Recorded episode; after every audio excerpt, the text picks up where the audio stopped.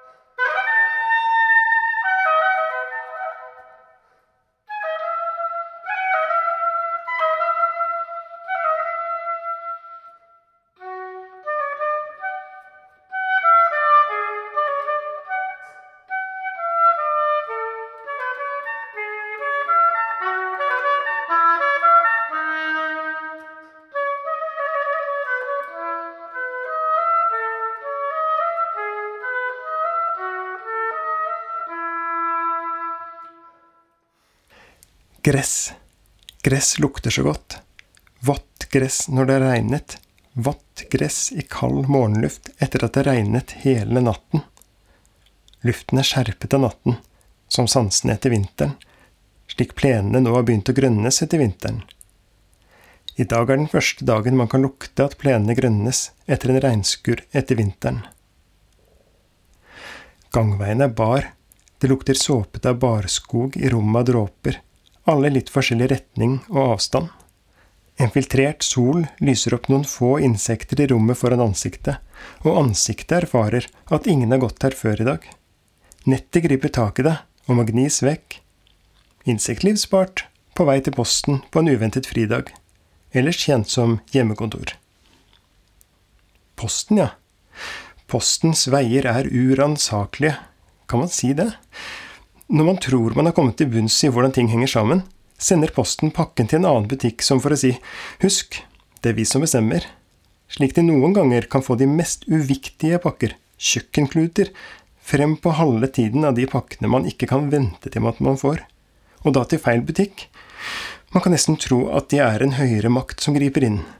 Uten pakkelapp på app ville denne morgenfriske spaserturen ikke ha funnet sted, og ikke noe av det som skal skje siden heller. Skyvedørene står halvveis åpne, og lukten skifter brått fra sjøvann og eksos til innestengte grønnsaker.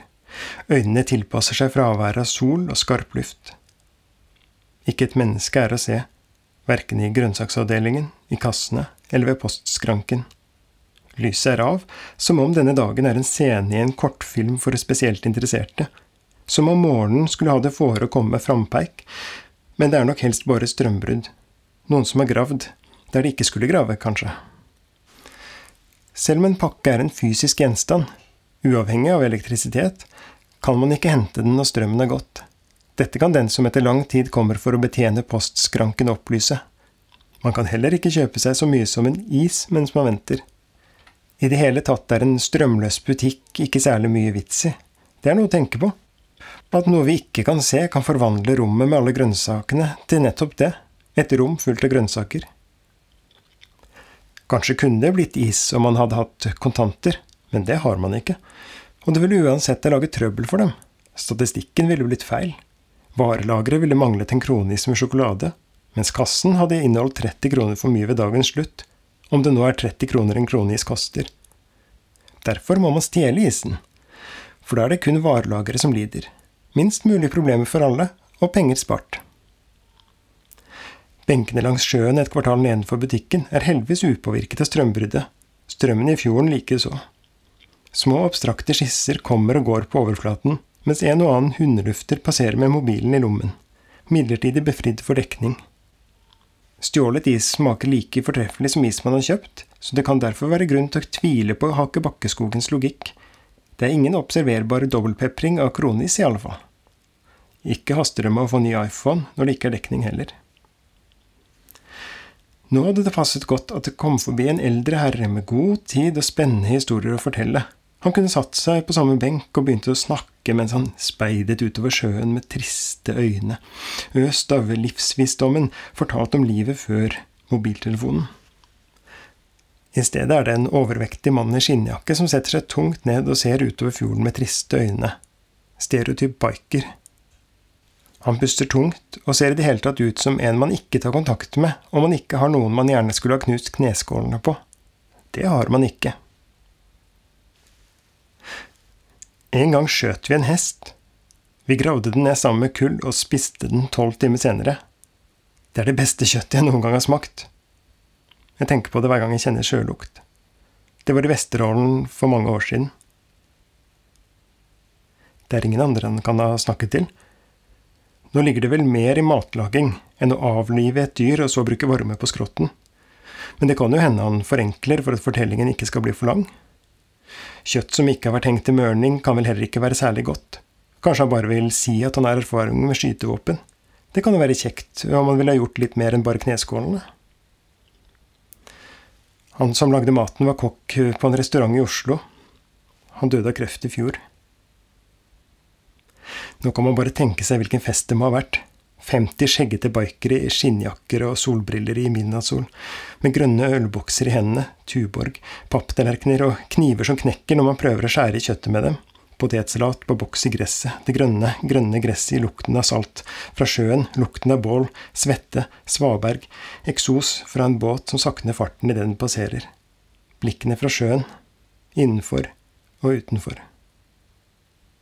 Mobilen hans lager lyd. Der ser du. Der var pausen over. Han snur på hodet. Ja, da er det kanskje mulig å få hentet pakker på posten også, finner man på å svare. Hvordan visste du at jeg skulle det, sier han. Selv den korte hvilen har satt inn et kaldt rutemønster i bakenden. Man får solen i ryggen. Han plukker med seg ispapiret fra bakken under benken. Man går stille og litt saktere tilbake til butikken. Nesten side om side. Jeg skal ha noen varer, sier en. Jeg også, sier den andre. Inne i butikken stopper han en ansatt og spør. «Eh, har dere tahini? Hva kalte du det? Tahini. Hva er det for noe? Eh, en slags eh, sesamfrøpasta? Vi har ikke pasta med sesamfrø, tror jeg ikke. Nei, beklager. I mellomtiden har man funnet det for godt å plukke med seg noen runde, harde, rødbrune frukter, som på automatikk.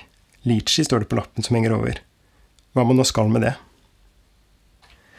Det er ingen andre kunder i butikken, så når man ankommer kassene likt, havner man i kø med hverandre, og deretter samtidig til posten. Bakken hans er så stor at personalet må være to for å slepe den frem til disken, under gjentatte formaninger om å være forsiktige. Man kan jo lure på hva en som er med i motorsykkelklubb kan finne på å bestille på nettet, og hva som egentlig er i pakken. Og lurer man, kan man jo spørre. En fagott, med en kontrafagott, eh, det er et treblåsinstrument. Nå kan vel fagott være kodeord for så mangt, og pakken ser langt større ut enn det som ville vært naturlig for et musikkinstrument.